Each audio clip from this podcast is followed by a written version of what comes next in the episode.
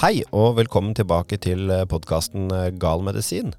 Dette er en podkast som handler om forskjellige temaer innenfor legemiddelbehandling og psykiske lidelser.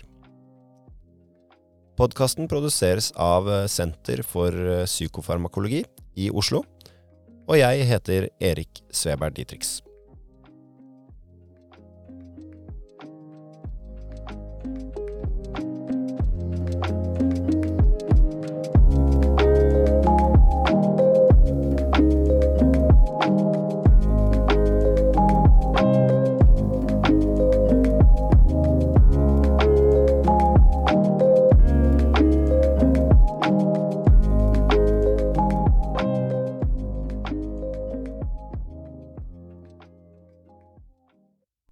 En av verdens største miljøkatastrofer og regionale klimaendringer finner vi i Sentral-Asia, altså i en tidligere del av Sovjetunionen.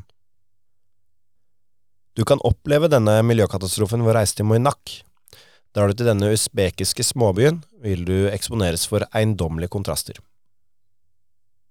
Moinak ligger langt utenfor allfarvei. Bygningene i den lille byen er omgitt av brungulstøv og av hardføre ørkenplanter i et ensformig landskap som strekker seg mot horisonten. Det karrige terrenget brytes av fartøyer som ikke hører hjemme i en ørken. Rustne skjeletter av båter ligger strødd i sanden. De vitner om en nær fortid, da livet i Moinak var annerledes. Fersk fisk ble hentet i land fra fiskebåter, som daglig la til kai. Lenge før rusten tok dem, var båtene livsnerven for fiskernes familier og den lille havnebyen. Moinak var nemlig omgitt av vann på alle kanter. Kun en liten landtunge forbandt byen med resten av landet. Etter en dag på sjøen kom båtene gjerne hjem med en fangst på fem tonn fisk. En sjettedel av fisken som ble fordært i Sovjetunionen, kom fra vannet rundt Moinak, Aralsjøen. Aralsjøen dekket et enormt areal og var verdens fjerde største innsjø. Hele Finnmark kunne forsvunnet under overflaten av denne sjøen. Den strakte seg mellom to havnebyer, Aralsk i nord og Moinak i sør. I dag er de to sovjetiske kystsamfunnene blitt kasakhstanske og usbekiske innlandsbyer. Garn- og fiskeboder er blitt overflødige der de ligger nå, langt inne i Aralkum-ørkenen.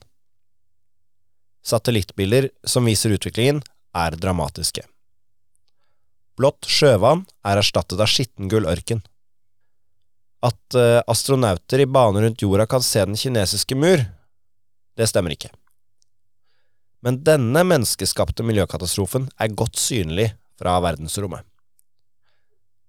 Det er vanskelig å forestille seg, men det er ikke bare sand og salt som eksisterer i dypet av de blågule satellittbildene.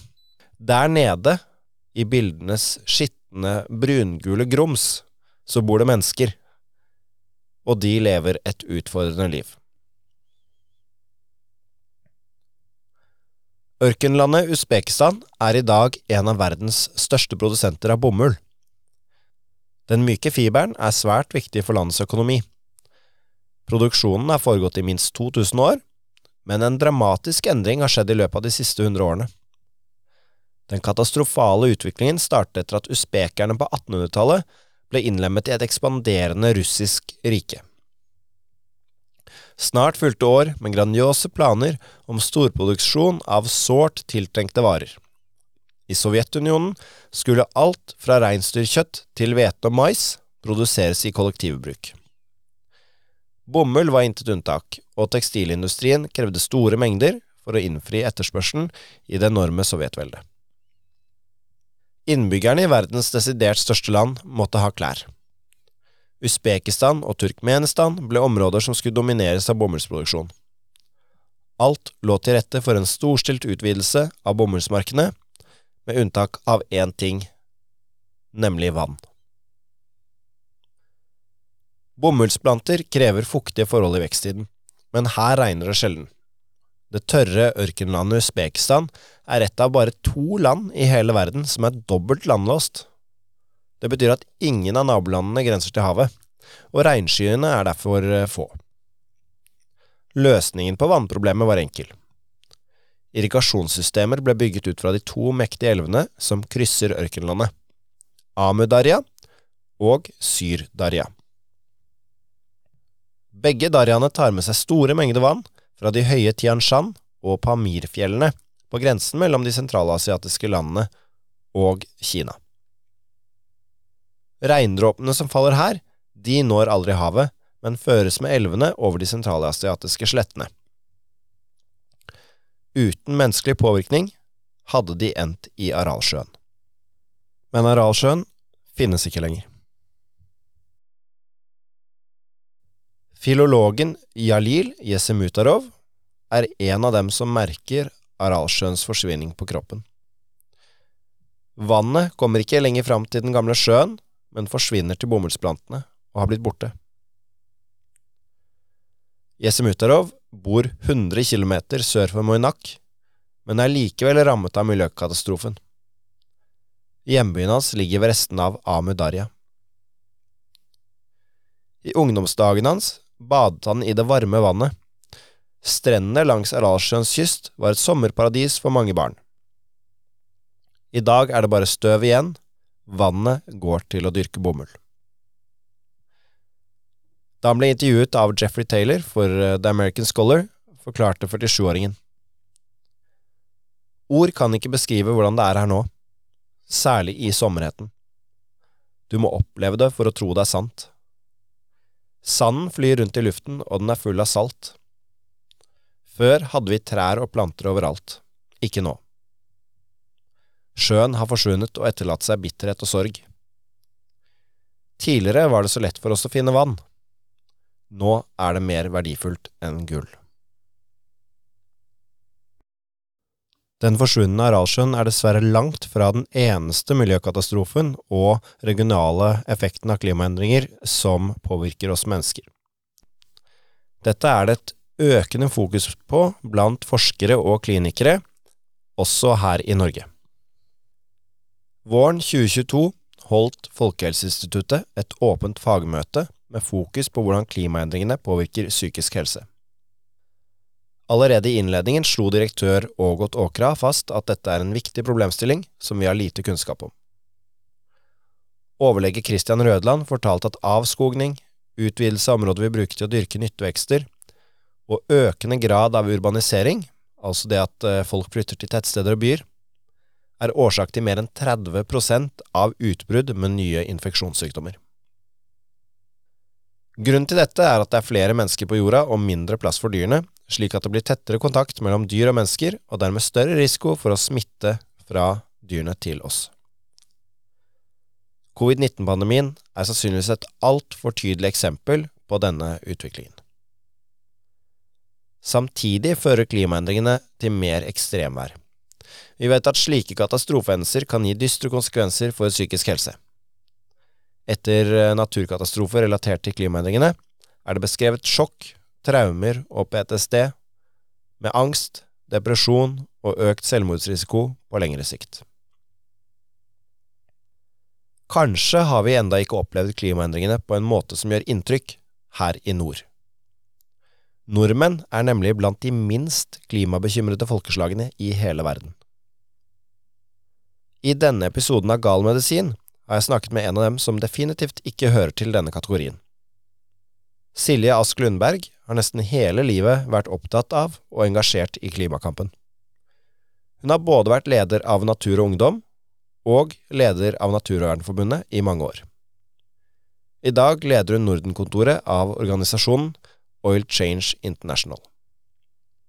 Jeg tok en prat med henne for å høre hennes erfaringer med å møte mennesker som har vært hardt rammet av miljøkatastrofer og klimaendringer, både i Norge og gjennom hennes reiser til slike områder rundt i hele verden.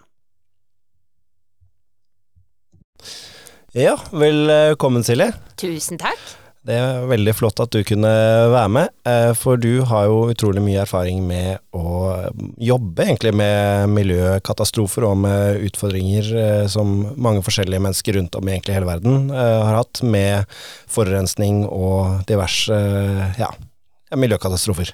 Ja, ja, absolutt. Så det stas å være her. Først så tenkte jeg skulle spørre deg litt sånn generelt om miljøkatastrofer. Eh, hvordan det påvirker oss eh, mennesker. Eh, om man kan si noe sånn generelt om hvordan eh, det påvirker eh, den psykiske helsen og den fysiske helsen, helsen til mennesker som bor der. Kan du si noe generelt om det? Liksom Hvordan du har opplevd det på de, de mange forskjellige tingene du har jobbet med, og hvordan det påvirker folk i lokalmiljøet? Ja, altså det påvirker jo veldig forskjellig, som du sier, men veldig negativt. Det er på en måte fellesbetegnelsen ofte. Altså sånn direkte fysisk så er det ofte at folk mister eh, husene sine, hjemmene sine, livsgrunnlaget sitt. Eh, mister om det er flom, eller om det er brann, at de ikke lenger kan bo der de bodde, eller jobbe eh, der de jobba. På en måte veldig mye av det sånn det det faktiske fysiske livsgrunnlaget forsvinner. Og så psykisk så er det jo øh, kanskje enda mer brutalt på et vis, fordi det som også ofte er felles for en del av de miljøkatastrofene, er jo at dem som blir ramma, er helt uten skyld. Sånn at hvis det er økte skogbranner, hvis det er flom, så er det på en måte ikke noe dem nødvendigvis kunne ha gjort. Sånn at det er veldig sånn at man og så er det veldig mange så, så, ser vi også at det er ofte samme folk som rammes igjen og igjen.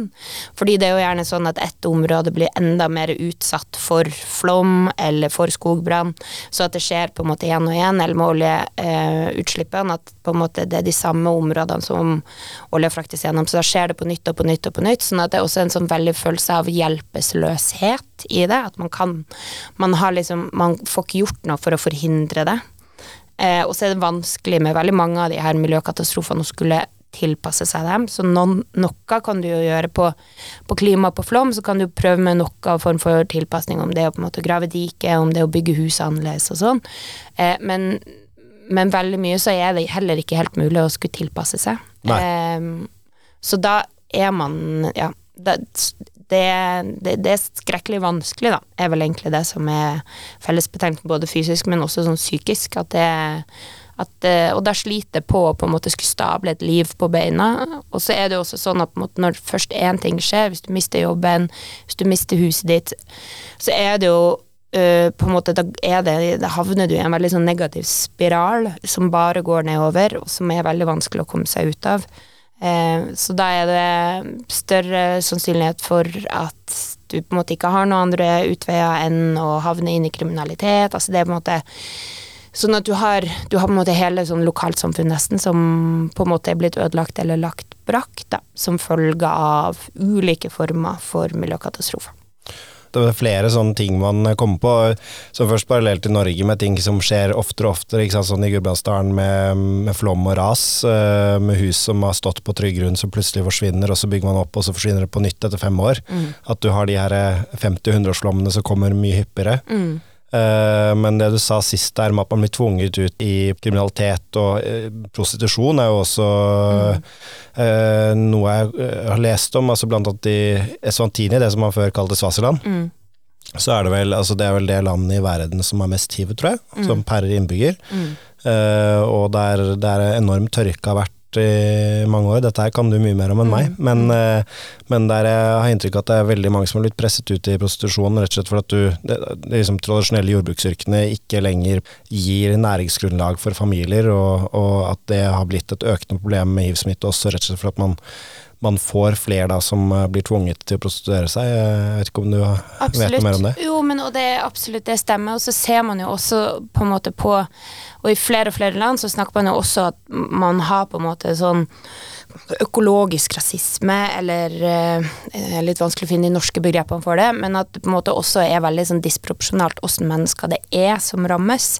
Eh, I enkelte byer i USA så har det på en måte på ulik side av toglinja, det kan du si at man har litt sånn eh, kanskje samme sånn måten byer er delt opp på, men, men, og at man tradisjonelt sett kanskje har bygd fabrikker som har sluppet ut på en viss side av toglinja. Ja, eller i, Oslo, øst og vest siden av Akerselva, klassisk eh, eksempel. Og at man der da også på en måte er med på å fjerne livsgrunnlag fra, ikke nødvendigvis på det viset i Oslo, da, men altså um, i andre deler av, av, verden, og da at det særlig f.eks. i USA, så er det, um, det afroamerikanske afrikanske familier ofte som er dem som rammes eh, hardere.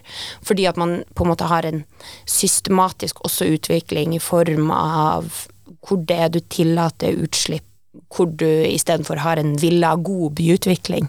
Um, så når man ser det over hele verden, egentlig, da, og så er det jo i ulik grad.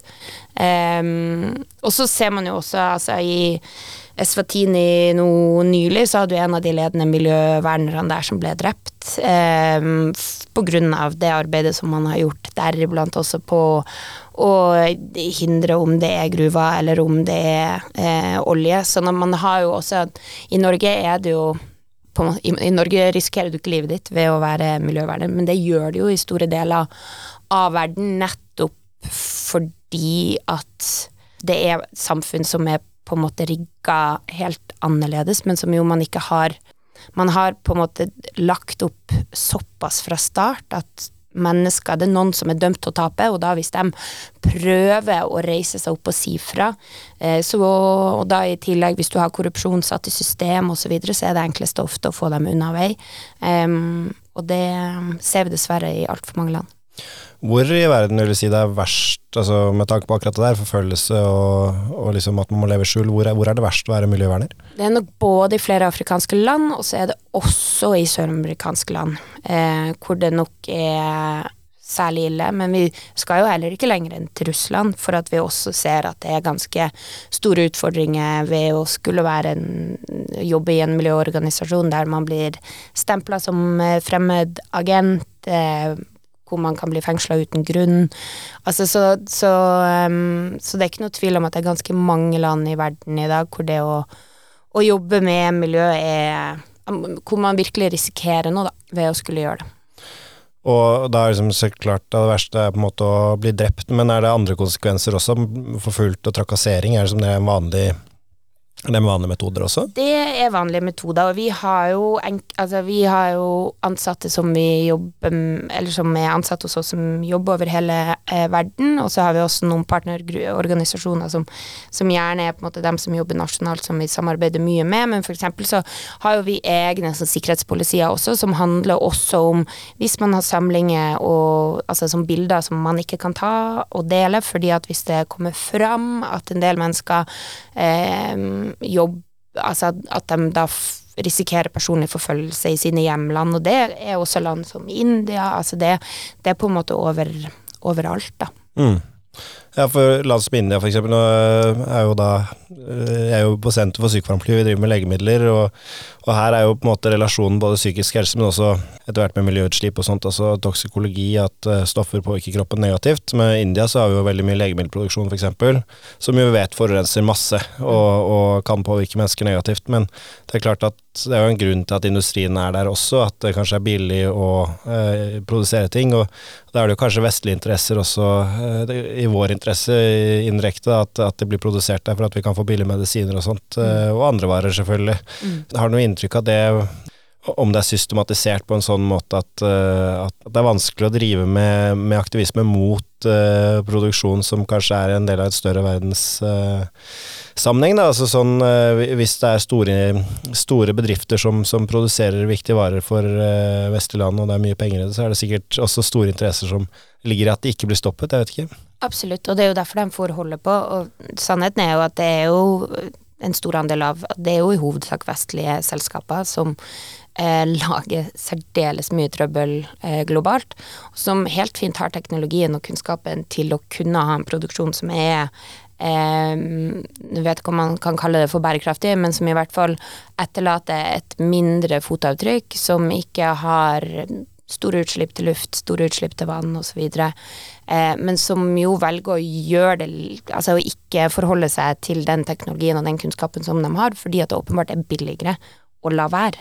Eh, og det er noe av det som er utfordringa, og som er en systematisk utfordring som vi ser i, eh, i utviklingsland, at der kommer vestlige selskap og har en produksjon som, som, er med på å ødelegge for lokalmiljøet, ødelegge for, eh, for eh, de som faktisk bor i landet, uten å egentlig etterlate seg noe, noe særlig i det hele tatt. Um, så det er jo en, en kjempeutfordring.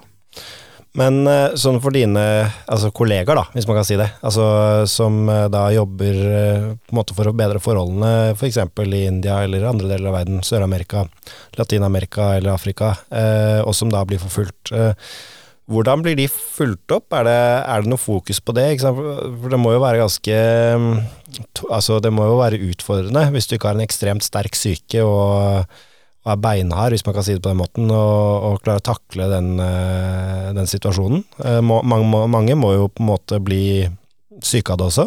Og det blir dem nok, eh, og, og der er det jo altså Det er jo det er kjempevanskelig, er jo på en måte sannheten på det. Vi bistår partnere som vi jobber med Altså F.eks. på å komme seg ut av land, eh, hvis eh, man ser at myndighetene plutselig er blitt særdeles fiendtlig innstilt overfor dem.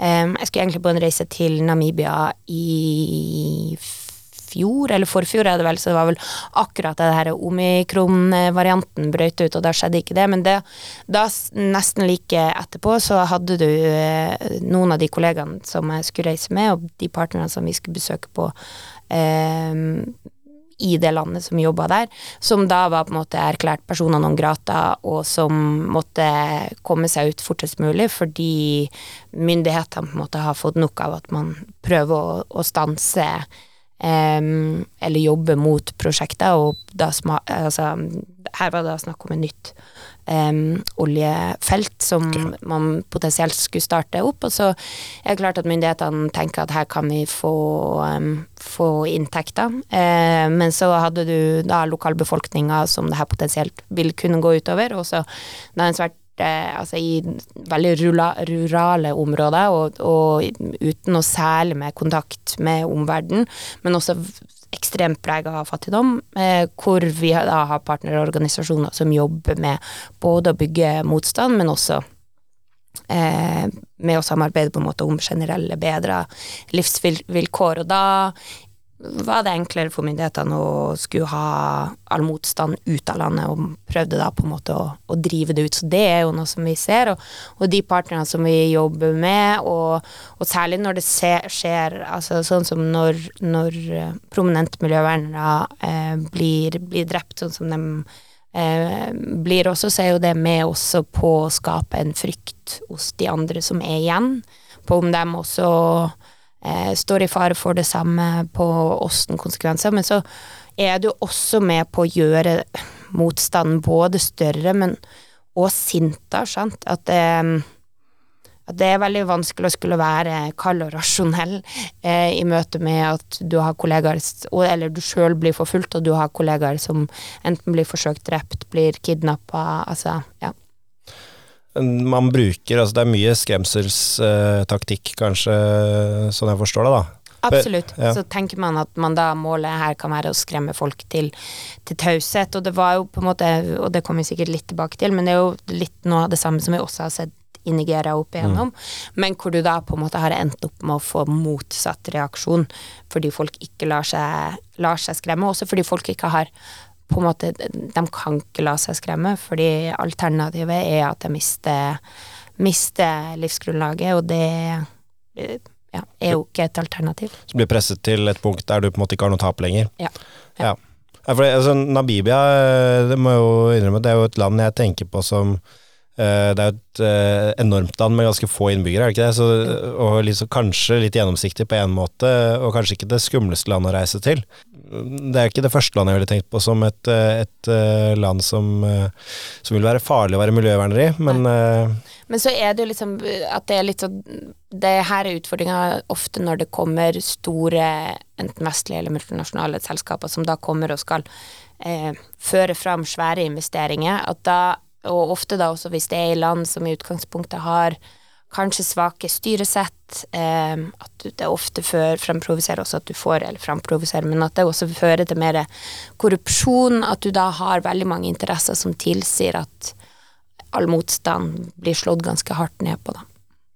Men du har vel selv også eh, blitt uh, satt i arresten, har du ikke det? Sånn, uh... Jo, det har jeg, men heldigvis er møtet med, med, arresten i Norge en ganske annen. Så noen timer på glattcelle her, det er på en måte det, det er et litt annet, annet univers. Ja. Det er en hyggeligere opplevelse, ja, en, kanskje? Ja, ja, absolutt. Så du har ikke Det er liksom ikke like ille som å bli fengslet i Namibia, kanskje? Nei. Det tror jeg nok ikke det. Så.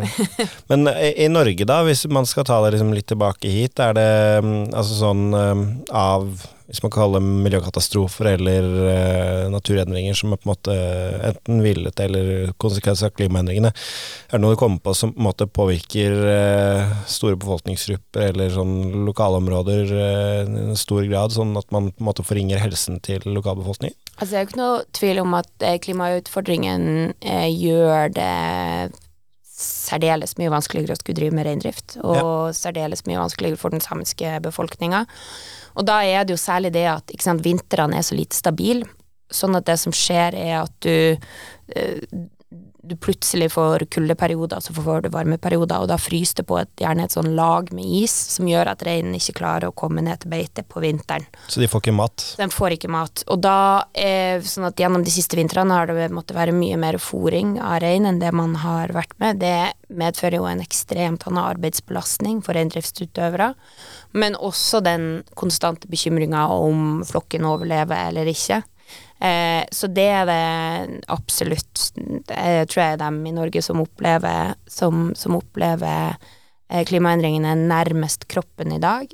Og så har vi det jo også sånn som du ser med økte eh, flom, eh, at man Og det får vi jo flere. Jordskred har man.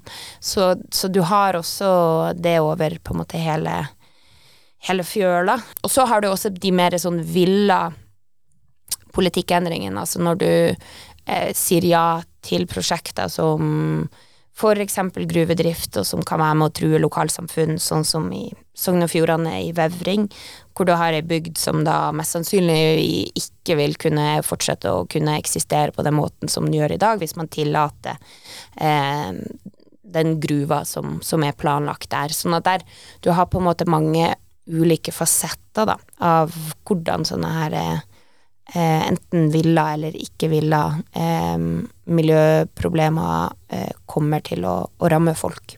Ja, for, altså, for det er jo snakk om å dumpe gruveavfall i sjøen i fjorden, ikke sant? Ja. Hvordan vil det påvirke lokalsamfunnet sånn direkte?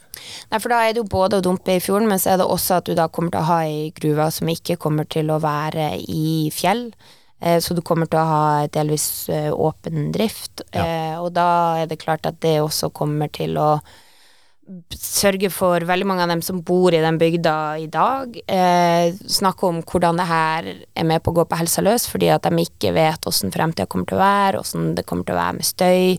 Folk som har gjort store investeringer, kjøpt seg hus som ikke tror at man på en måte kan få solgt noe av det for eh, fremtida, men også dem som lever av fjorden.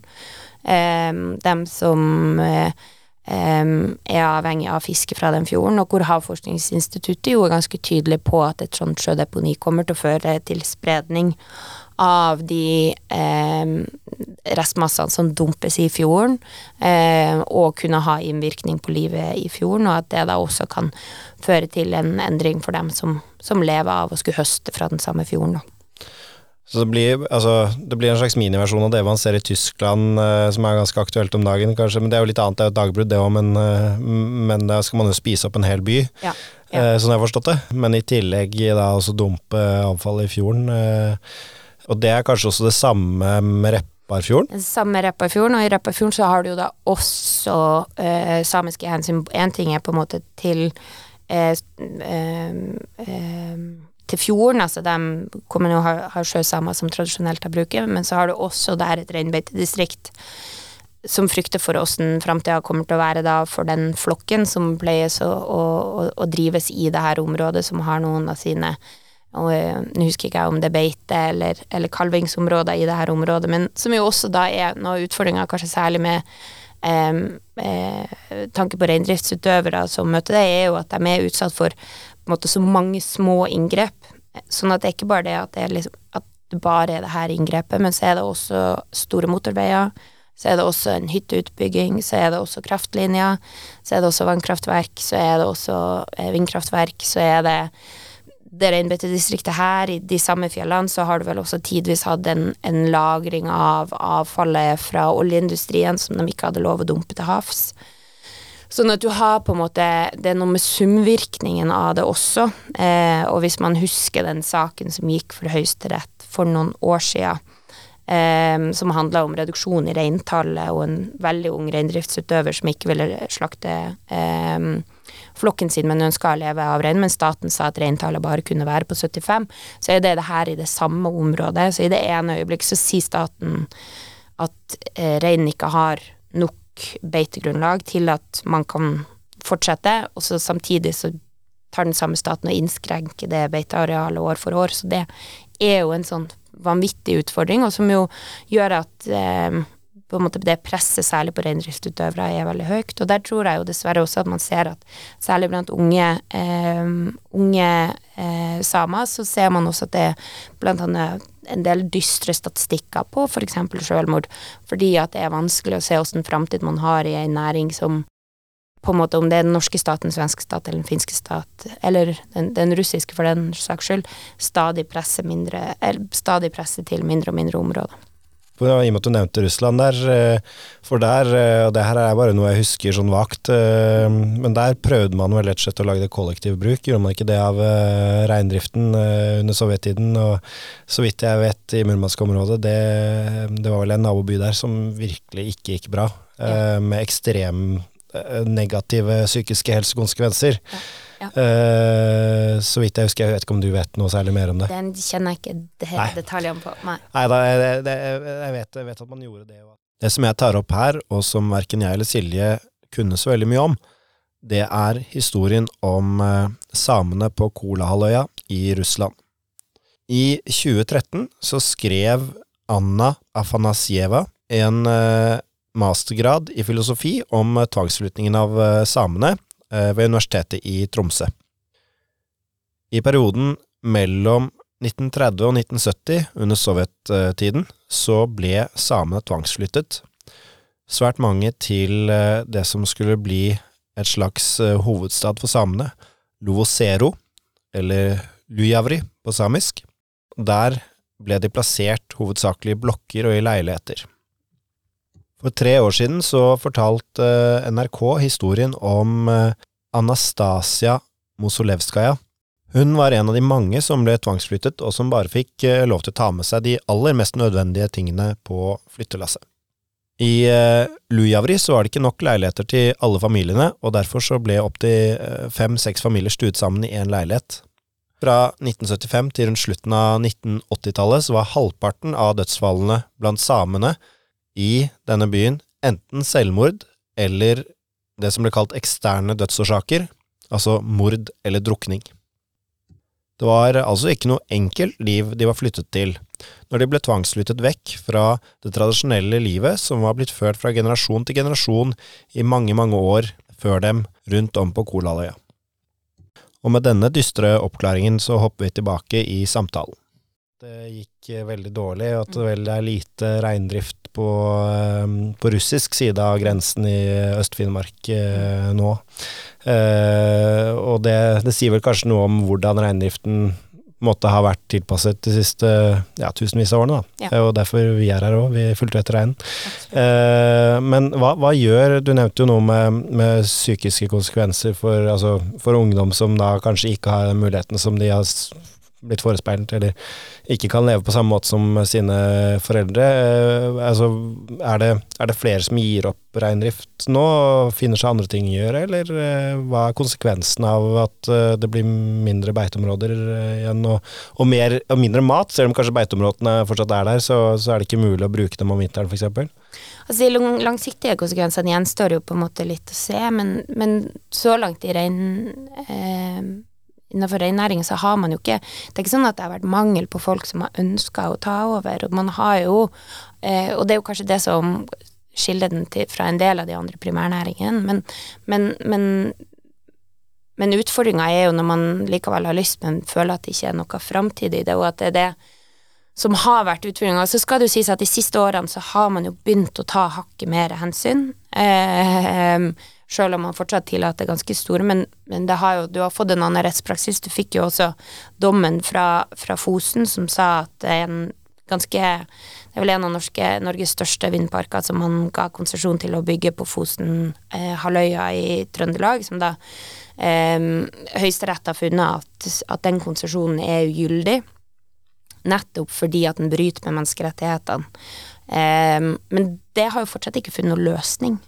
Um, og det er jo ikke sånn at man er noe nærmere å, å ikke bryte menneskerettighetene, så der har vi jo et pågående menneskerettighetsbrudd, men de konsekvensene som det også da har for, eh, for psyken også til dem som er involvert, da. Eh, så det er en kjempeutfordring som jeg tror ikke at det er noe noe quick fix på, liksom.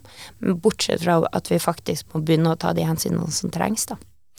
Da tenkte jeg, eh, I og med at du nevnte oss i jorda, så at vi bare snakke litt om det også før vi beveger oss ut av landet igjen. En av de verste katastrofene i, i Norge de siste årene, Ask på Gjerdrum. Det var vel i romjula, var det ikke det? At uh, et stort område, et jorde eller noe sånt, som raste ned i et bekkeleire, som, som gjorde at det var uh, en god del mennesker som omkom, flere hus som forsvant uh, i et gjørmehav, kvikkleire. Og det er jo mange områder i Norge som, eh, som er bygget over kvikkleire, annet i Tromsø der vi begge har bodd, eh, og Tromsdalen er vel et område der det er mye kvikkleire f.eks. Mm. Tror du at dette er noe vi kommer til å, til å forholde oss til eh, mer i årene som kommer? Det var kanskje et litt ledende spørsmål? Ja, så svaret er ja. men, jo, men det tror jeg absolutt både med kvikkleire, men òg med jordas. Eh, at man, man, man ser at her er det Altså, naturen endrer seg på en sånn måte som jeg tror at vi ikke helt har forestilt oss, men òg at det som har tenkt på at man har tenkt har vært stabilt, jo slett ikke er det lenger. Det er jo også som et, altså et annet eksempel på det er jo Svalbard, for eksempel. Um, sånn at, eh, så, så, det tror jeg nok eh, definitivt er noe som vi kommer til å måtte planlegge mer for, og det er jo det som også er med samtlig liksom, samfunnsutvikling og byutvikling for framtida. Er nødt til å ta hensyn til at vi allerede har et endra klima også.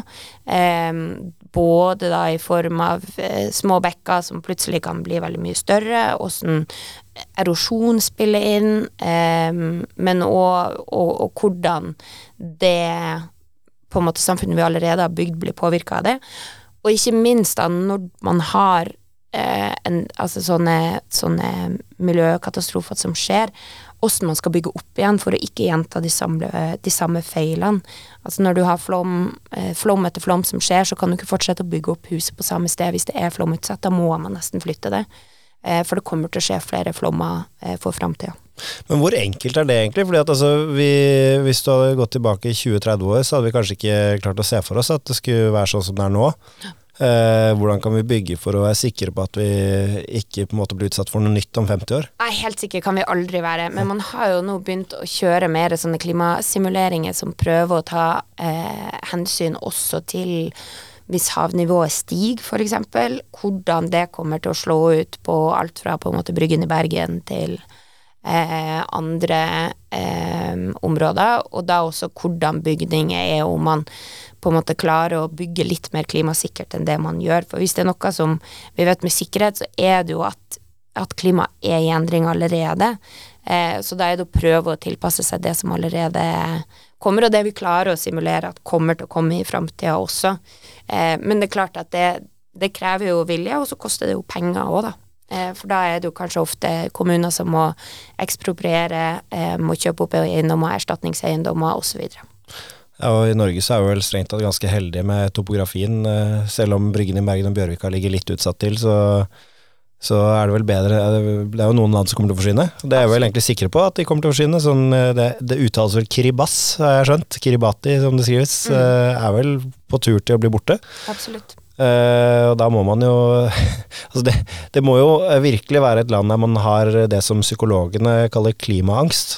Er det noe uh, Og det er vel særlig ungdom da, som, som naturlig nok opplever det her. Uh, og som er bevisst på det. Er det noe dere, eller du som har vært så aktiv i ungdomsbevegelsen, og også senere i klimakampen, på en måte har vært mye borti?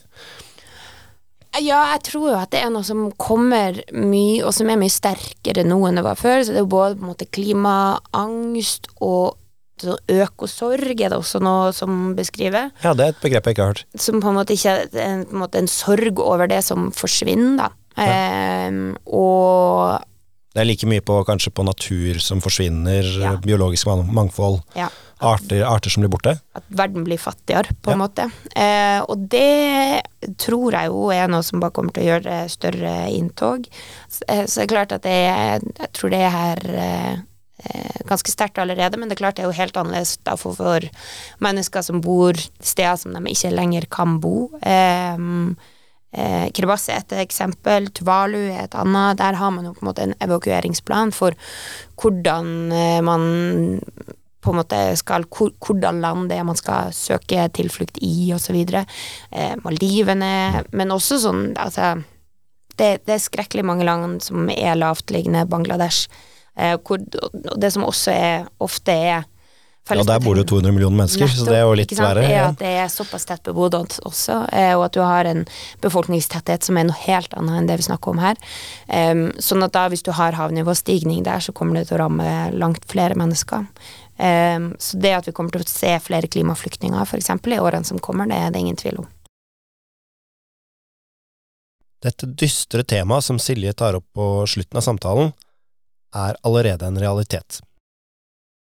Havnivået stiger, og hele nasjoner kommer til å forsvinne. Vi snakket om Kiribas, et land som ligger særdeles utsatt til, midt i Stillehavet.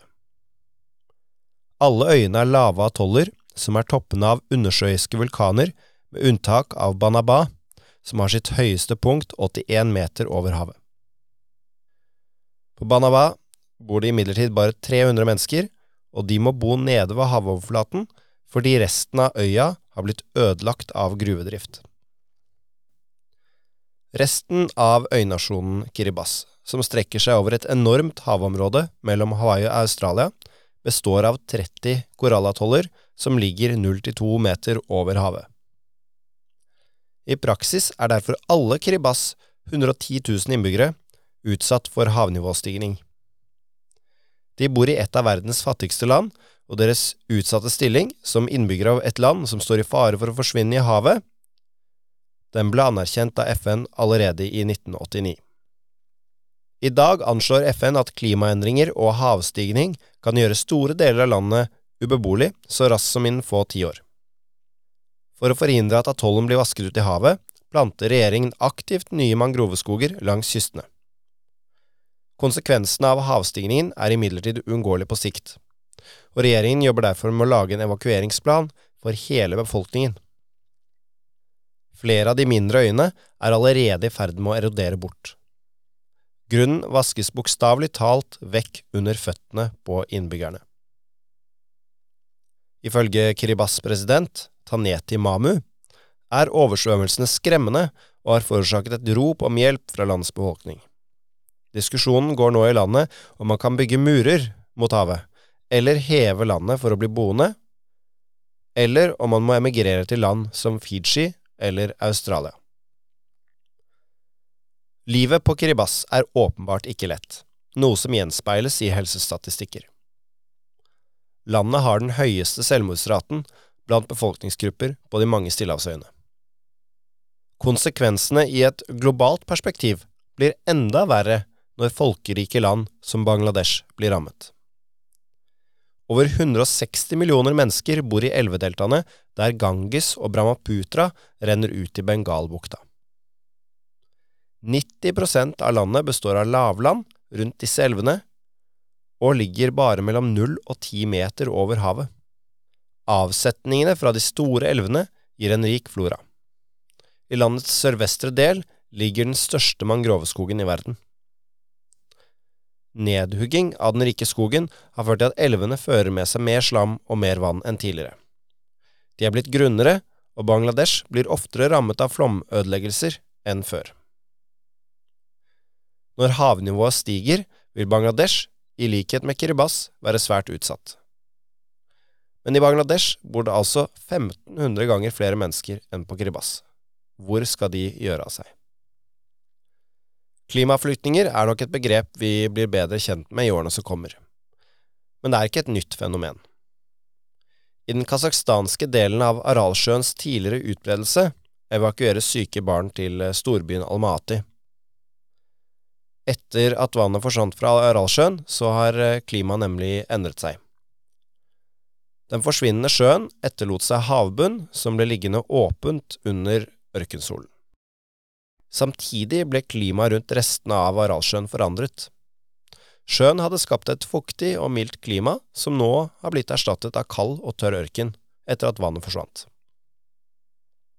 Store mengder miljøgifter som har blitt tatt med fra bomullsmarkene og de store elvene som rant inn i Aralsjøen, samt salt fra den tidligere havbunnen, blir nå tatt med opp i lufta og blåses rundt med kraftige vinder.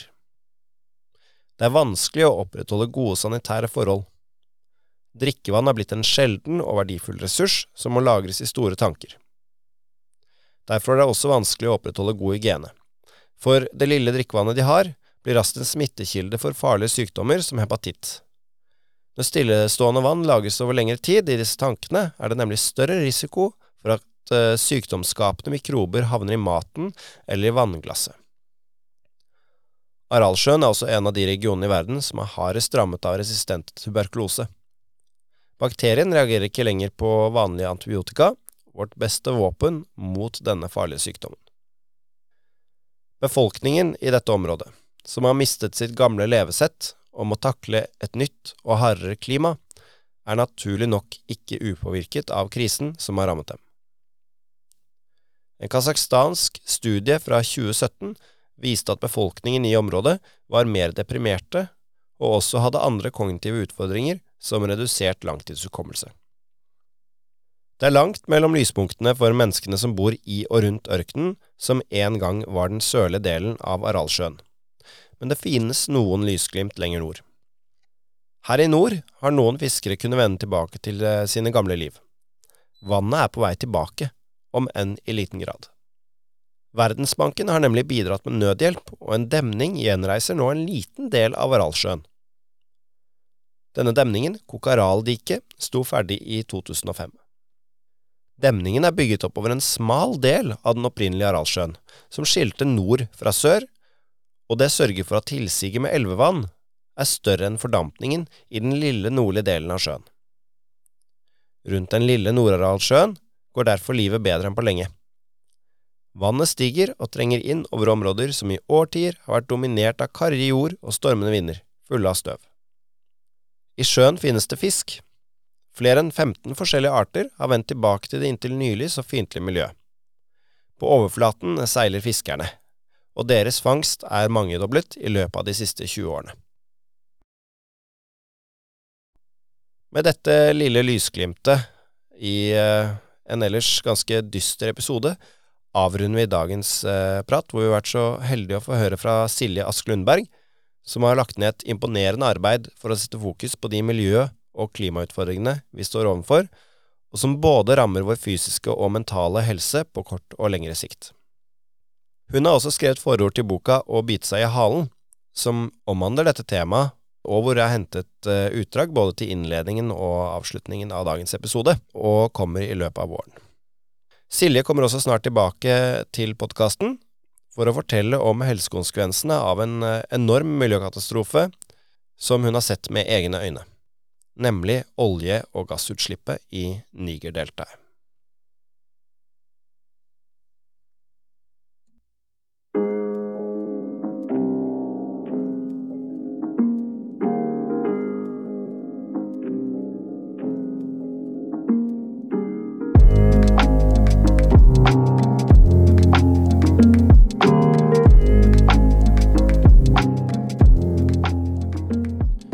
Du har nå hørt en eh, episode av podkasten Gal medisin, som er produsert av Senter for psykofarmakli ved Diakonhjemmet sykehus i Oslo.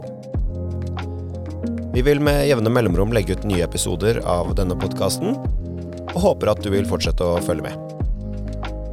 Takk for nå.